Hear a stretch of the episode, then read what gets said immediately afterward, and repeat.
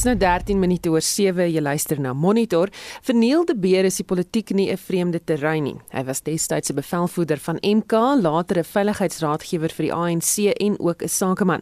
Laat verlede jaar het hy die organisasie the United Independent Movement gestig. De Beer sê hy sal in 2024 hom as presidentskandidaat beskikbaar stel en ons praat nou met hom. Goeiemôre Neil. Susanne, baie goeiemôre aan jou luisteraars. Dis 'n maandag.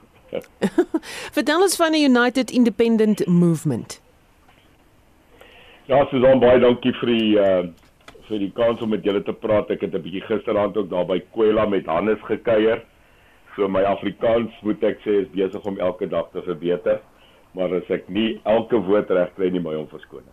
Uh ek dink die United Independent Movement is 'n uh, 'n uh, storie wat op die einde van die dag in ons hartpunt geskryf is dat hierdie land besef het en dit maak nie saak van waar of ons kom nie dit maak nie saak ons geskiedenis politiek ras ideologie of geloof nie. Ek het laas jaar op 'n tyd gekom as 'n internasionale besigheidsman waar vriende en sakelei my gekontak het en vir my gesê het Neil jy was vir baie lank tyd in die regering as 'n adviseur. Jy verstaan die geskiedenis baie diep Dit is tyd dat hierdie land omgedraai word. Dit is tyd dat hierdie land 'n beweging kry waar reguit praat, die waarheid praat en waar ons absoluut teen die probleme in hierdie land moet opstaan, sal ek so 'n beweging lei.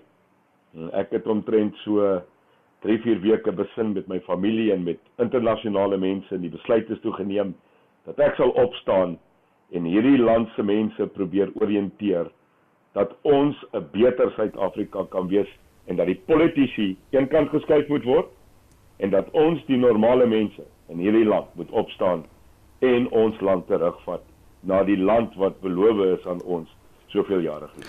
Jy praat nou so van waar ons almal vandaan kom. Waar kom jy vandaan? Wat is wat is jou agtergrond? Wat is jou biografie en hoe beland 'n mens met die naam Neil de Beer in 'n organisasie soos Umkhonto we Sizwe? Dis ou Gustaf, dis 'n baie lang en môre Gustaf. Môre. Dis um, dis 'n dis 'n lang praatjie, maar ek ek kom uit Stellenbosch. Ek is hier op 'n uh, wynplaas area gebore. Uh ek is op Verliesdorp, daar 'n akademie is ek geskool en getoe. Ek het drama gestudeer na die tyd. Ek is AMI toe. Ek is ek is 'n kombinasie van 'n oud soldaat, 'n KGB intelligensieoffisier 'n politieke adviseur en dan 'n besigheidsmens, 'n pa en 'n filantroop en op hierdie oomblik die president van 'n internasionale fonds en bank in Europa. Dis 'n baie lang geskiedenis. Uh ek dink my boek wat nou uit is Undercover with Mandela Spy kan verduidelik hoekom 'n ouetjie met die naam van Neil de Beer wat obviously uitkom uit 'n boere Afrikaner getoe gemeenskap op 'n dag besluit het terwyl ek vir die veiligheidspolisie gedien het as 'n bevelvoerder van 'n sekere span waar ek besluit het dat die toekoms van hierdie land kan nie meer wees op swart en wit nie dat die ideologie waarvoor ons beklei het voor 1994 nie volstaan behou kon word nie. en in daai dae wat ek noem my Rubicon het ek uitgevind dat die apartheidsmagte al klaar begin praat het met die ANC inteendeel ek was by sekere van daai gesprekke waar Mandela uitgelaat is op sekere tye om met F.W. de Klerk te praat en met sy kabinet en dit het vir my baie duidelik geword Gustaf in daai tyd dat die nasionale partyleierskap besluit het om die ANC nie meer te verban nie en ek het geweet dat Mandela nie oorlog wou hê nie. Ek was in die gesprek, ek het geluister en toe besluit ek dat die beste vir my is om seker te maak dat hierdie man bly lewe en dat hierdie gesprekke wat die 1994 voorbehou sou raak het en dis hoe Neil de Beer op die einde van die dag ek dink hierdie mistieke storie van spioen en hierdie mens partymal ja wat verklaar word as 'n verraaier op die einde van die dag saamgesmelt het om die ANC oop te draai sodat ons vrede kon hê. Wanneer was daai gesprekke? Was dit 1989? Daai gesprekke het klaar begin 1991 1992 in die rent 1989 en voor dit Gustaf wat baie mense nie weet nie en hier is my groot kan ek sê ding wat my partymal in die keel steek ons ken nie altyd die geskiedenis van die land nie en ons vergeet Gustaf dat eintlik die eerste gesprek tussen die nasionale party en Mandela plaasgevind het teen PV Botha ja die groot krokodil was voor EW bereid om met hierdie man te praat maar PW Botha het besluit dat as Nelson Mandela nie besluit het om die wapens neer te lê nie, geen gesprekke sou plaasvind nie. Ek dink dit was die verskil tussen die EW de Klerk scenario en die PW, maar dit het klaar begin in 1991 92 baie direk en ons het gesien hier by 93 het dit toe verander. Neil, die besluit om as presidentskandidaat in 2024 te staan, beteken dit jy gaan 'n politieke party word? Susan nee, dit is vir my baie belangrik. My besluit, kyk ek het al 5 jaar gelede 2017 die ANC verlaat. Want ek het net besluit daar's 'n paar goed in die ideologie van my party wat nie meer vir my pas nie en ek het die reg om dit te doen. Ek het toe ten volle in besigheid ingegaan. Maar hier's 'n belangrike ding en ek wil die luisteraars inlig oor dit lyk my 'n ding wat glad nie bekend is in ons wet nie. Laas jaar het die konstitusionele hof na 5 jaar se beraad onder die leiding van 'n man met die naam van Michael Louw, een van die stigterslede van die ACDP in daai dae, dat dit onkonstitusioneel is dat 'n individu volwasse Suid-Afrikaner forceer word om aan 'n politieke party te behoort om na nasionale parlemente te gaan en dus te staan vir president. Daai uitspraak was 'n verskriklike styding in die voettoekoms van hierdie land se politiek en toe daai konstitusionele uitspraak uitkom dat 'n normale mens kan staan vir die nasionale party ag vir die nasionale parlement in 2024 het ek onmiddellik besluit om in die politiek toe te tree. En waarvoor staan hierdie beweging van jou UIM? Waar waar waar, gaan dit? Gustav, dit is baie maklik. Hierdie land het vier goed nodig in my opinie. En dit is wat ons ook noem die 4 C's. Die United Independent Movement is totaal is totaal gefokus om ons kriminele situasie in hierdie land uit te sorteer met antwoorde crime. We are totally vehemently attacking and fighting crime. Die tweede ding is korrupsie. Ons het 'n totale zero toleransie op hierdie oomblik teen korrupsie en ons gaan dit beklein teen ons beklei het al klaar. Nommer 3 seker een van die belangrikste behalwe nou vir crime en korrupsie is kapitaal, Gustav.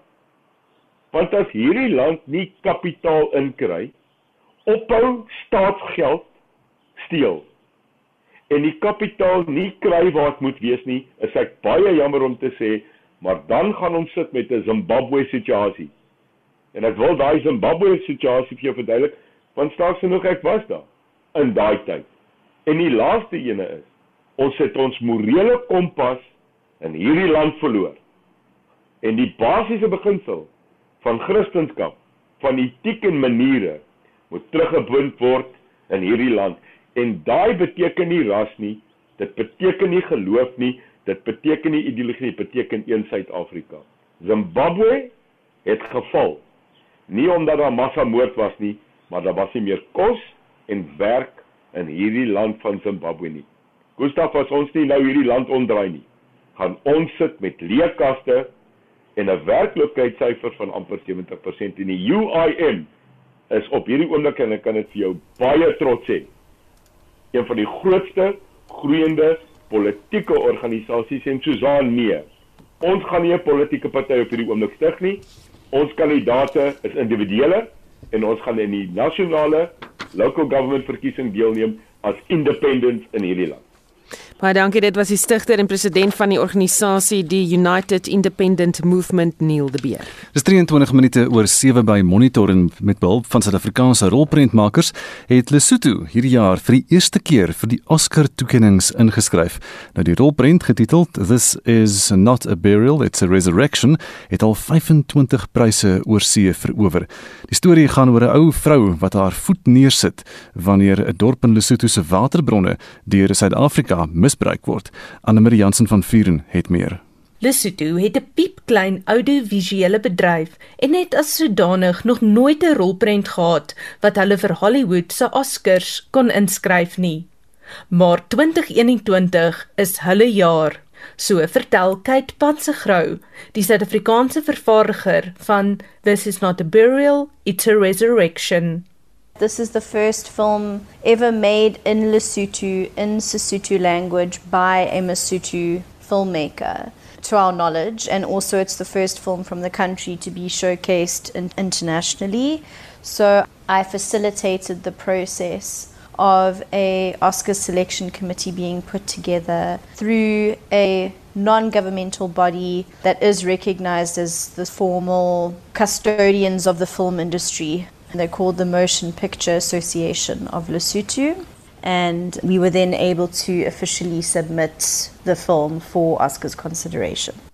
Bansegrou is vol lof vir die regisseur Lemohang Jeremiah Mosheshe wat as kind self uit die platteland na 'n stedelike gebied moes trek weens 'n waterinfrastruktuurprojek.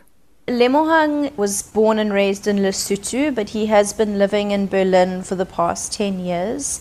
He's a self taught filmmaker and began his love affair with cinema as a young kid watching 16mm films in a town hall in Maseru, which would project film once a month. And the story of our film is an exceptionally personal one because it is inspired greatly by the story of his grandmother, what is happening to her village right now. Her village is on the verge of being forcibly resettled.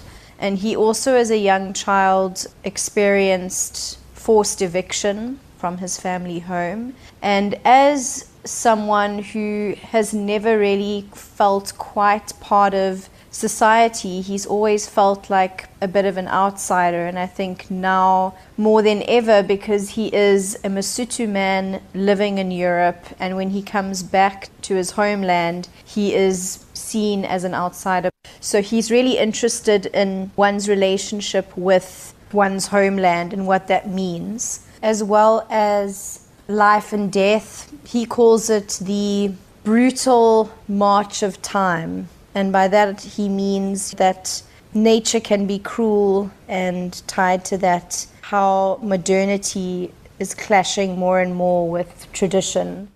Volgens haar gebeur dit gereeld in ons buurland dat dorpenaars moet trek omdat hul tuiste moet plek maak vir 'n nuwe reservoir wat daar gebou word. What is so tragic about rural people that are forcibly resettled is that they don't actually know how to function in an urban space. Their whole identity is tied to their land, tied to their livestock, tied to their sense of community in their villages. And so when they are uprooted from that, it's really difficult for them to live meaningful lives in such foreign environment.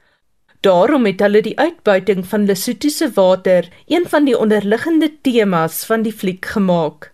Most of our water source in this country comes from Lesotho. Annually, Lesotho exports an estimated 780 million cubic meters of water to South Africa. And it's recognized as Africa's largest water transfer scheme in history.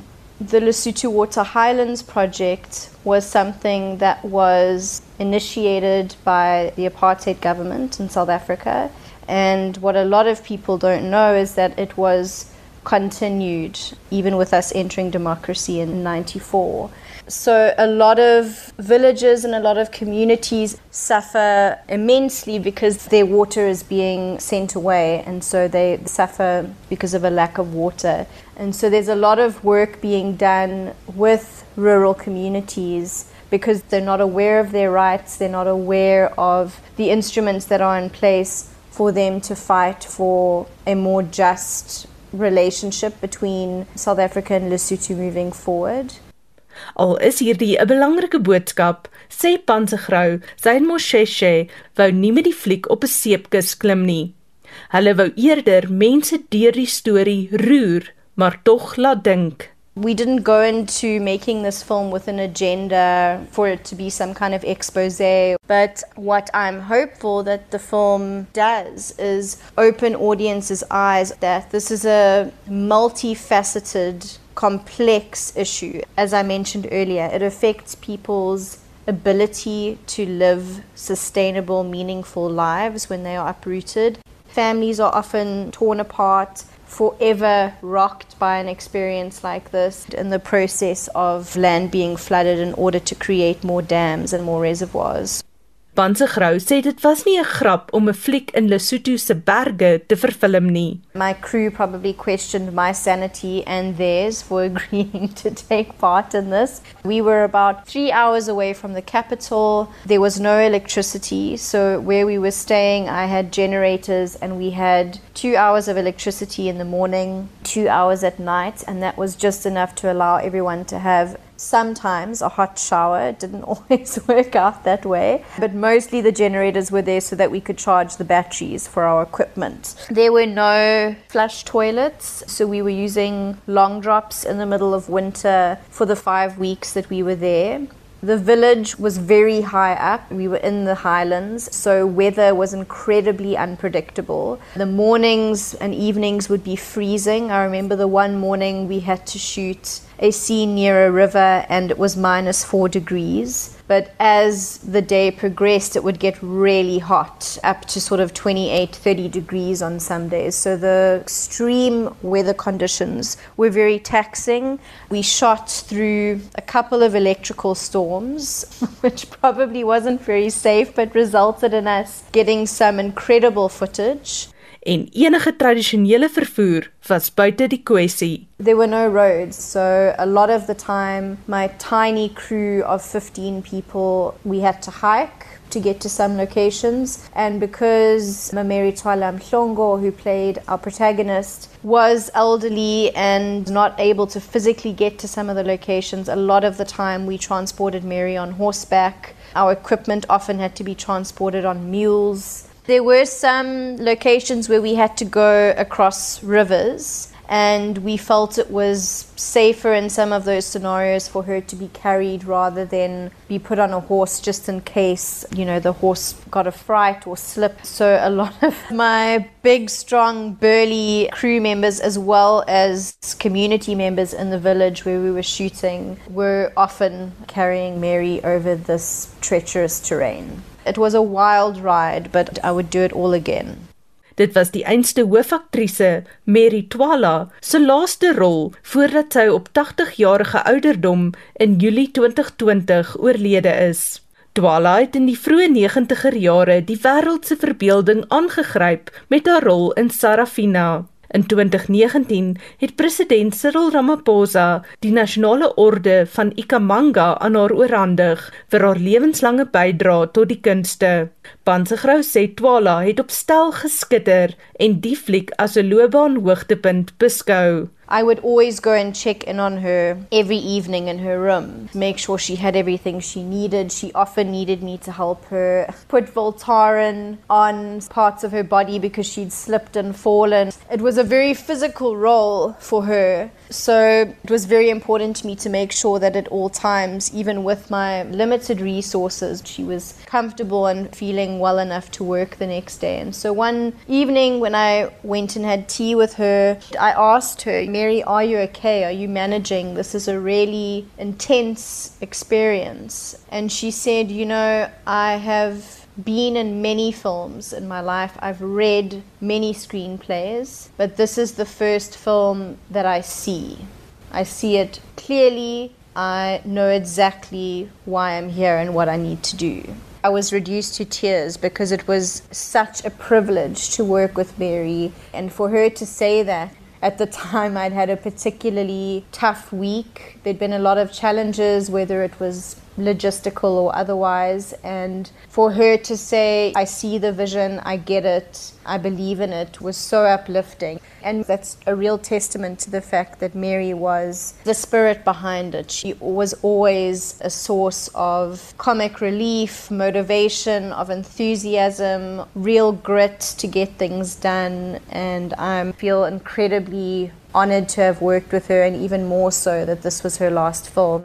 Dwala is met verskeie internasionale toekenninge bekroon vir haar vertolking van die rol. Die 25 toekenninge wat die fliek gewen het, was vir beste regie, beste kinematografie en beste algehele rolprent by 'n filmfees.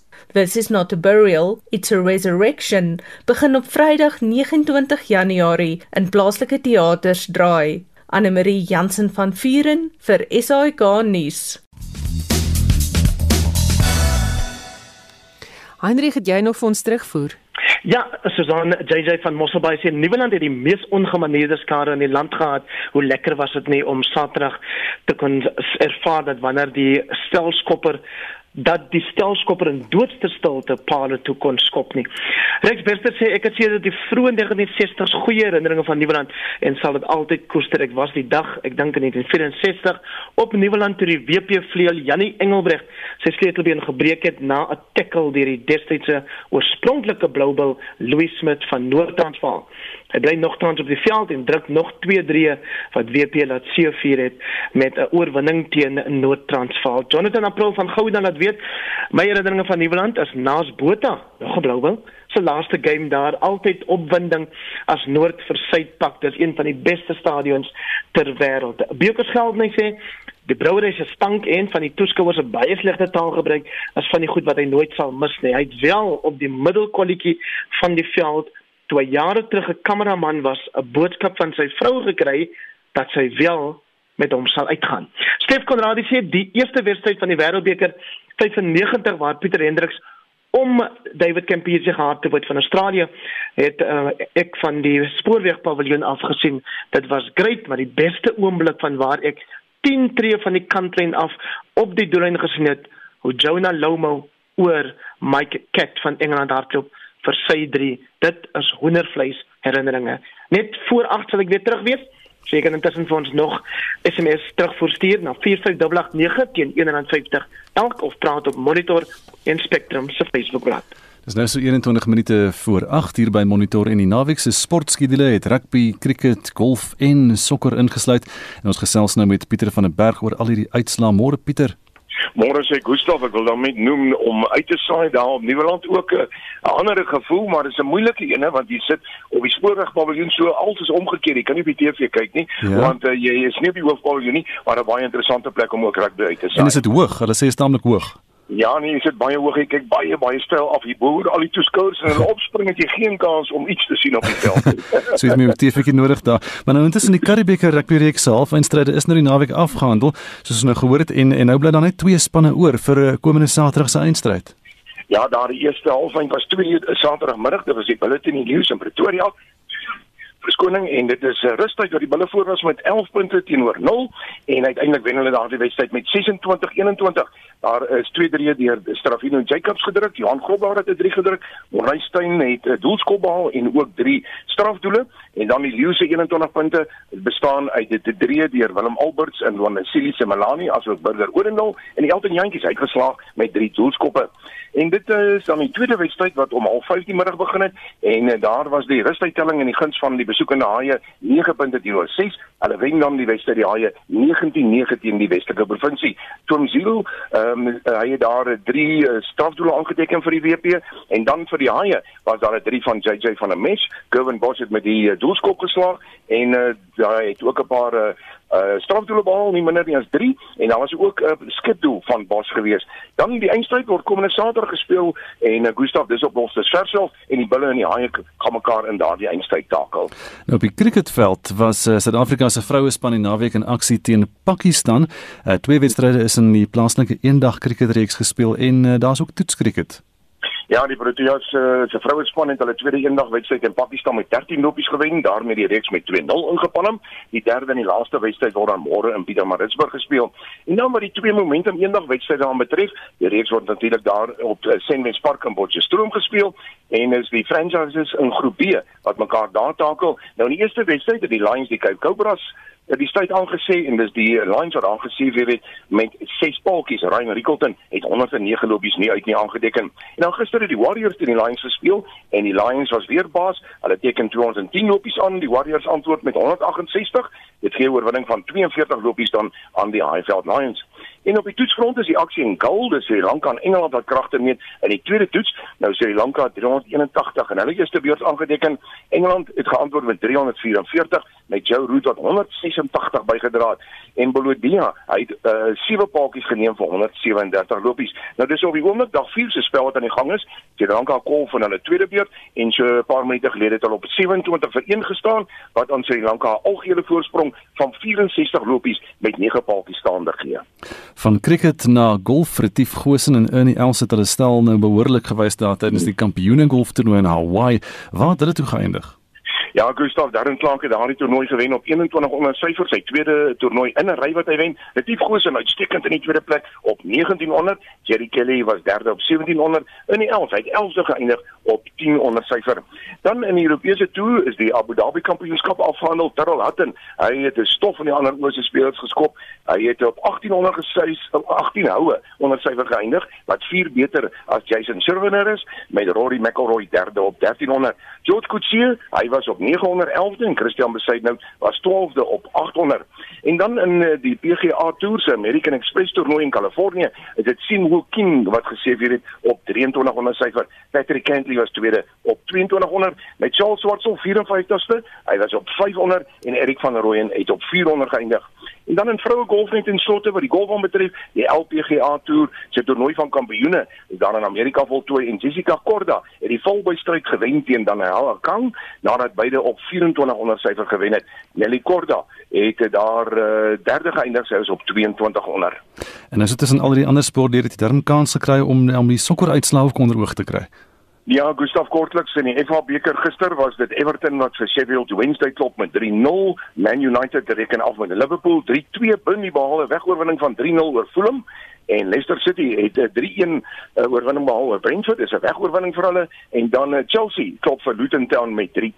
En in die plaaslike DStv Premier Liga is daar gister twee wedstryde gespeel. SuperSport United 'n wegoorwinning van 2-0 oor Sakuma en dan Cape Town City vir Golden Arrows behoorlik afgestof met 4 doele teenoor 2. Pieter van der Berg van RSG Sport. Die vloed van 25 Januarie 1981 in die Buffelsrivier op Lynsburg in die Karoo, waar 90 mense dood is en wat meer as 10 miljoen rand se skade aangerig het, het vandag 40 jaar gelede gebeur. Brenda Pool van die Lynsburg Hotel sê en baie opsigte is daar raakplekke met die COVID-19 pandemie. Toe ek weggespoel het die 22 km na die Floorskraaldam toe, was omtrent halfpad wat wat ek aan die verdrink was want ek het die stomp wat ek kan vasgehou het verloor wat ek uit die water uit gegooi is. En ek het gevoel ek is aan die weg gaan. Ek ek ek, ek gaan dood. En ek het vir die Here gevra om my te spaar. Asseblief Here, spaar my.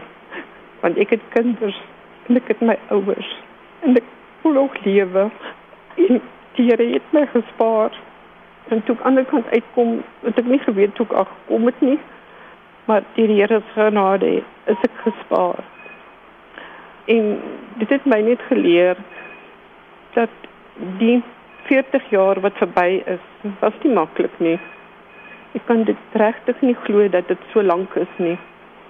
Maar baie onregverdige dinge gebeur. Dinge wat mense nie oor eintlik moet praat nie. Wat na die vloed gebeur het en wat nou nog gebeur. Maar al wat ek kan sê is mense moet nederig bly en glo, glo aan die Here en glo aan die wonderwerke van God. Brenda, dit is vir my so uitsonderlik dat jy eh, in jou lewenstyd twee frats gebeure beleef het soos die Lyngsburg vloed en dan nou die COVID COVID-19 pandemie.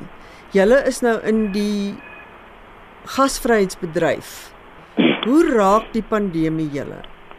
Die pandemie raak ons erg. Want daar is baie wat ons nie mag doen nie en nie kan doen nie. Uh ons kan nie ons besigheid oopmaak nie. Ons personeel van hulle is siek, van hulle ek het 3 personeellede verloor. Ons kan nie ons deure oopmaak soos dit laas jaar in Januarie of Februarie was nie. Ons moet wag tot alles weer bedaar en na normaal terugkeer. Wat ek wel glo dit gaan gebeur. Want alles herleef weer. Al is dit op 'n ander manier. En ek glo wel as die Here ons spaar, dan sal ons weer kan besigheid doen. Ons kan mense weer met oop arms ontvang en vir hulle lekker kos maak en met blydskap kan sê ons is deur dit. En as ons dit nie maak nie, dan sê die Here se wil dat ons dit nie gemaak het nie. Ek glo dit. As jy terugkyk na die Lyngsburg vloed, hoe lank het dit vir die gemeenskap gevat om weer te kon funksioneer? Is moeilik om te sê want die dorp is herbou, maar dit het baie lank geneem. Die huise is herbou en het baie mense weggetrek oor ontevredenheid, oor onregverdigheid.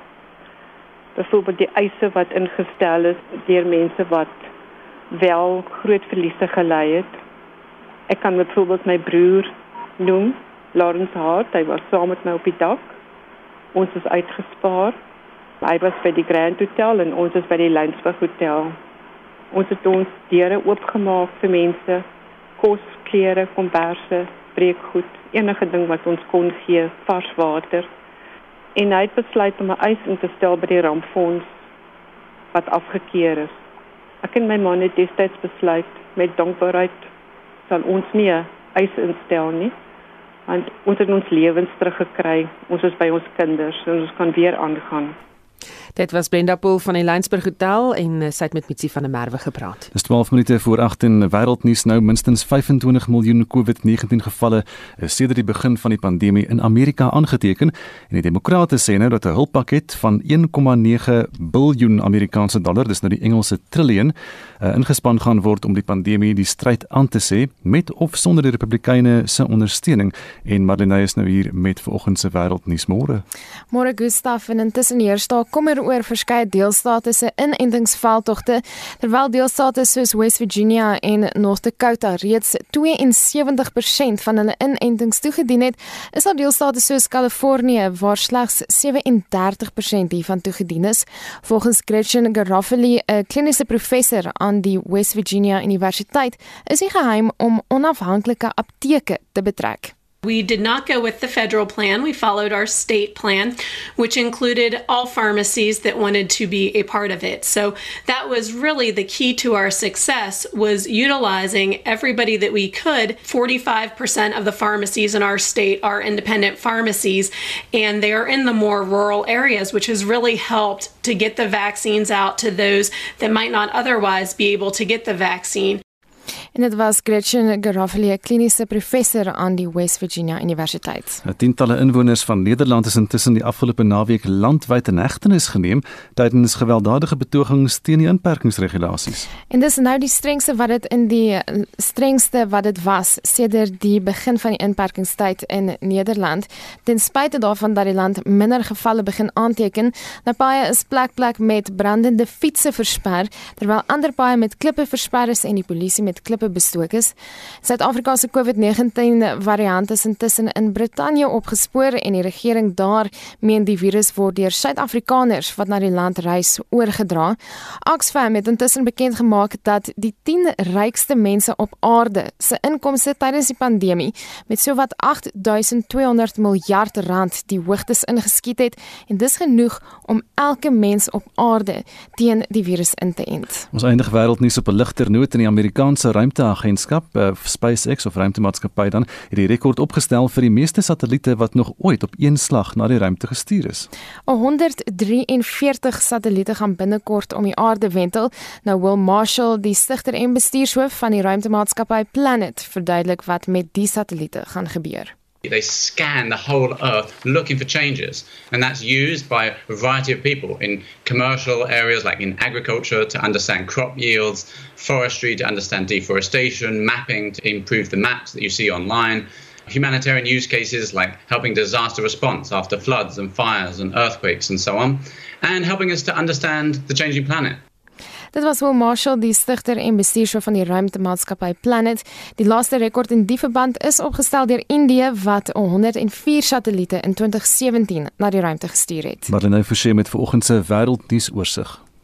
Teen die einde van die ANC se Lekgotla die afgelope naweek het die party om daartoe verbind om bekwame, ervare kandidaate te nomineer vir vanjaar se plaaslike verkiesing. President Cyril Ramaphosa sê die ANC gaan 'n verkiesingskomitee saamstel wat die proses om kandidaate te benoem gaan lei. Marlene Forsie het meer besonderhede. Vanjaar se plaaslike verkiesings gaan na alle verwagtinge uitgestel word weens die pandemie. Die EFF het intussen gevra dat die verkiesings eers in 2024 plaasvind saam met die nasionale verkiesing. Hoe dit ook al sê, sê die ANC hy maak hy skoon. Ramaphosa sê die stig van die komitee gaan verseker dat slegs die beste kandidaate vir die plaaslike verkiesings voorgestel word. We need as the alliance to select candidates for local government that are capable that are experienced and are respected in their communities. But more importantly, we should select candidates that have integrity. We have agreed that all existing councillors must go through an intensive evaluation process, particularly in municipalities that have performed poorly or where there are allegations of maladministration and wrongdoing. Om vertroue te herstel, sal daar volgens hom strenger opgetree word teen korrupte raadslede. The Lekgotla was unambiguous in its resolve to strengthen consequence management in municipalities through strengthening public account committees, acting against public servants conducting business within municipalities, increasing transparency of the supply chain management system, and strict enforcement of the listing of municipal officials and service providers implicated in maladministration. The ANC and Alliance needs to ensure that there is accountability and transparency and must remain focused on the developmental needs of our communities at all times. Wat die COVID-19 pandemie betref, sê Ramaphosa die alliansie vennote het ingestem om 'n reuse maatskaplike veldtog te loods om die inenting teen COVID-19 in die land te versprei. Hy sê verder die party sal nie ophou om armoede, ongelykheid en werkloosheid weens die pandemie die hoof te bied nie.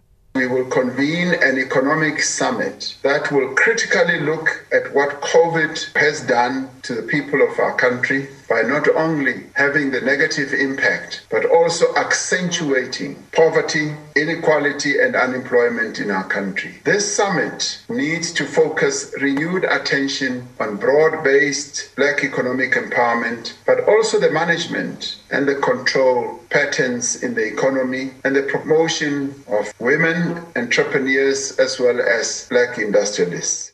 Die party se voormalige presidente, Thabo Mbeki en Jacob Zuma het ook die Legotla bygewoon, saam met die party se voormalige adjunkpresident, Galema Motlanthe. Die uitkoms van die Legotla sal deursyfer na die eerste kabinetslegotla van die jaar in die komende dae. Hierdie verslag deur Ntebo Mokobo, Balinai Forsie.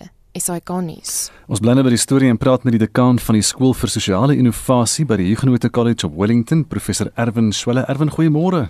Goeiemôre. So groot demper het die afsterwe van Jackson Tembo op die Legotla geplaas dink jy? Dit was bepaald 'n uh, 'n uh, 'n definitiewe invloed. Dit het ook natuurlik die die struktuur en die rotine van die geleentheid beïnvloed. En 'n mens kan sê dat uh, dit was nodig want meneer Tembo was 'n baie bekwame en toegewyde dienaar van die mense en ook 'n besonder bekwame minister. Hy is ook 'n vertroueling van die president, so dit het definitiewe impak gehad. Een van die hoofbesprekingspunte was die aankoop van entstowwe.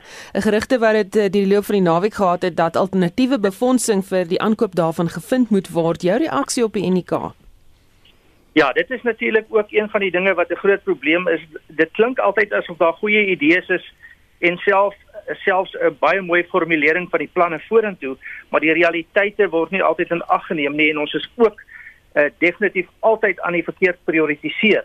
Ehm um, daar is klaarblyklik volgens die president nie geld eintlik vir die uh, uh inentingsstowwe beskikbaar op die oomblik nie. Nou mense vra dan wat het van die geld in die solidariteitsfonds geword? Ehm um, en nou moet daar nuwe planne gemaak word. Die idee is dan en dit is die soort spekulasie daar buite dat ons 'n verhoogde belasting eenmalig moet hê of tweedens uh, op 'n of ander manier geld moet gaan leen. En dit uh, is eintlik besonder problematies. Dit lyk asof ons ons prioritisering deurlopend verkeerd kry. Ons het uh, byna 15 miljard gespandeer aan die reddingsboei vir die SA lugdiens. Um, ons het uh, wel korrupsie gehad in die bestaande toewysing van uh, fondse vir gesondheid en dit alles is ernstig problematies. Die tendens lyk asof daar nie altyd 'n goeie inskatting is van die werklikheid nie en implementering definitief nie goed oorweeg word in terme van prioritisering nie. Jy praat nou so van korrupsie, die fokus op korrupsie en die feit dat dit uitgeroei moet word word amper soos 'n slagspreuk nou vir die president. Wat dink jy van die planne wat die NEK aangekondig het in hierdie verband? En hierdie besondere legotla is die verwysing gewees natuurlik na die plaaslike owerheidsverkiesings en ek is nog nie oortuig daarvan dat dit gaan uitgestel word nie. Uh, dit dit, dit dink ek nie moet ons noodwendig aanvaar nie, maar dit is nog nie aangekondig nie. Maar die fokus word dan geplaas op die belangrikheid van die vind van ehm um, mense met integriteit binne die ANC wat uiteindelik al hierdie plaaslike owerheidsverkiesings geleenthede as raadslede kan vul. Nou 'n mens wonder gegee wat ons weet of daar genoeg mense van integriteit is en indien hulle gevind word um, of die endemiese aard van die korrupsie veral op plaaslike owerheidsvlak 'n groot verskil gaan maak aan hierdie individue se gedrag. Daar's dikwels die tendens dat jy goeie mense binne slegte stelsels plaas en hulle dan gekorrupteer word. Ja, die weer eens die planne is goed. Ons gaan so sê die president goeie werwing en kering doen.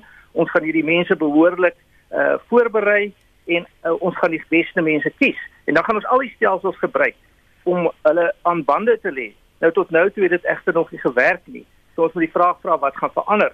Wat moet verander is is daar binne dat daar binne die ANC 'n totale wilsbesluit moet wees om geen korrupsie binne die party te duld nie en onder andere die integriteitskomitee aan te wend om korrupte ANC mense te kry om te bedank of nie poste te aanvaar nie, maar in elk geval te bedank as hulle van korrupsie aangekla word. Dan net laastens vinnig, jy het jy die TV gekyk, wat dink jy van die premier van Mpumalanga wat so maskerloos rondloop? Wel, dis natuurlik eintlik nie te bedink nie, sou die Nederlands gesê het. uh, ons almal weet mos nou dat jy moet maskers dra in openbaar. En dan natuurlik wat ons altyd vind is dit die die bra um, en waarskynlik leenagtige floue verskonings. Die masker het nou net mooi afgeval toe ek uit die motor uitklim. Ehm um, nou ja, dit is uh, dit dit, dit, dit eintlik frustreer mense dat mense kan dink dat ons so naïef is om hierdie soort van onsin te glo en te verdra. Erwin, dankie. Dit was die dekaan van die skool vir sosiale innovasie by die Huguenot College op Wellington, professor Erwin Schwelle. Heinrich, jy het nog terugvoer. Louis could see sê onthou hy onthou dat in sy skool daar het hulle deernag voor die hekke in toue vir kaartjies gekom. Dit was koud, maar dit was gesellig. Eugene Fitter skryf Nieuweland wil nou plek maak vir 'n stadion wat 'n wit olifant sou geword het en Herman Kern skryf die einde van Nieuweland as 'n rugbystadion daarin toe dat die geskiedenis en erfenis en ek verander net maar sy woord na Boggerol of Boggerol in hierdie land beteken nie. Wil ek nou net sê hy is baie teleurgesteld oor Saterdag se laaste wedstryd daar wat hy met 'n absolute laagtepunt was en dan Kaal van Sail probeer ons almal troos deur te sê niks maar niks is vir ewig nie. Alles in die lewe het 'n begin en 'n einde. Bly geskakel hier by RSG want net na die 8 uur nuus is dit praat saam met Lenet Fransis Puren ons groet môre van monitor met die waarnemende uitvoerende regisseur en vanoggend se redakteur Hendrik Martin ons produksieregisseur Daitrin Godfrey en ek is Gustaf Greiling. En ek is Susan Paxton